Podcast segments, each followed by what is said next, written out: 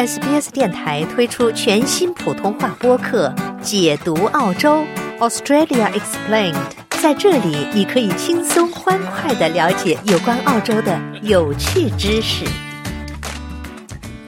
农历新年庆祝活动期间，在澳大利亚的大街小巷，我们都可以看到一些舞狮团的充满活力，给人们带来新年祝福的精彩表演。Casey Lam Evans 是其中的一员。让人感到印象深刻的是，Casey 还带着他四个月大的婴儿和他所在的舞狮团一起，为社区带来精彩的表演。下面请听采访。现在我们来采访的是这个舞狮队的负责人 Casey。Casey, nice to meet you. Lovely to meet you too. 我也很高兴见到你。今天在国会大厦这里感到非常的开心。Yeah, what are you going to do? 是呀，你们今天要在这里干什么呢？Parliamentarians and their staff. 今天我们将在国会大厦和 SBS 一起，向国会大厦的议员们以及工作人员们展示我们充满活力的传统文化，庆祝农历新年。You look like a very good lion dancer. Dancer. 你看起来非常有舞狮者的范，看起来 是亚洲人，但是你说你一点中文都不会讲。不过你是怎么开始从事这个舞狮活动的呢？是因为在你的家族里面有这么一个传统是吗？So my parents uh, migrated to Australia from 是的，在我出生以前，我的父母从香港移民到了墨尔本，后来我们全家搬到了堪培拉，在这里我很想了解我来自的文化，希望我和我的祖先来自的文化有联系。然后我就查到了，在堪培拉有一个舞狮团，我十年前就参加了这个舞狮团。这十年来，我一直和他们一起训练。后来我又开始做起了一些在这个团队里面行政的工作，来让这个舞狮团能够一直继续下去。我们这个舞狮团呢，也非常开心的能够在农历新年的时候和在新年的时候呢，能够到堪培拉的各处去和大家一起来庆祝农历新年。Wow. So how did you find the tradition? 那你觉得参加了这个舞狮的活动之后，它怎么样帮助你和你的传统文化联系到一块儿了呢？So to be honest, when I was growing up, I was really scared of the lions. So I used to pull my mum in the shop into the Chinese. 说真的，小时候我是很怕狮子的。呃，当我和我的妈妈去杂货店买东西的时候，我看到舞狮队过来的时候，我通常会拉着我的妈妈往店里面躲。就算在店里，我们也会远远的躲在后面来看这个舞狮队的表演。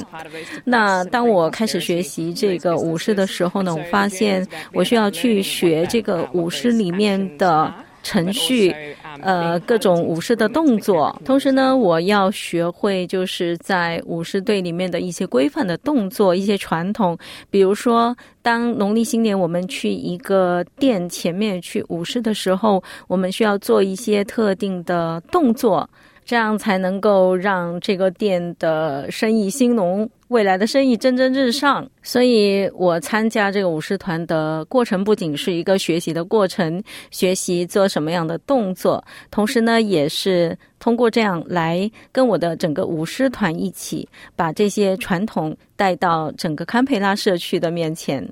Yeah, it's like the background information.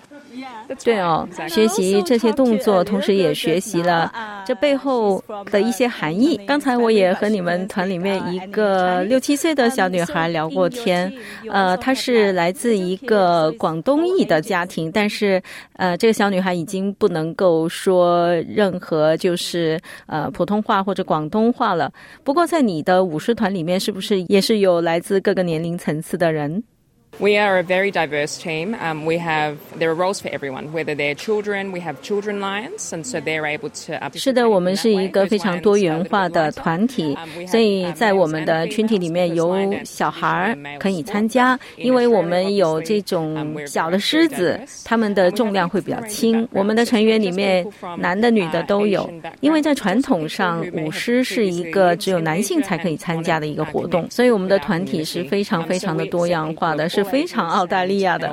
另外呢，就是呃，在这里面的成员也不一定都是有这个亚裔背景的人士来参加，有些人他可能是以前在亚洲住过，那他现在回到澳大利亚的，他很想和亚洲的文化有一个连结，所以也在我们的团体里面。所以我们的舞狮团里面有不同年龄的、不同文化背景的人，我们全部都接受。And Jessie, I feel so impressed that you today you came here with your team to doing the line dance, but you still. Katie，我刚才感到印象非常深刻的是，在我采访你之前，其实我等了一下，因为你带着一个还在吃奶的小婴儿，然后刚才呢，你在给他喂奶。 Yes, I have a four-month-old baby, so she doesn't walk yet.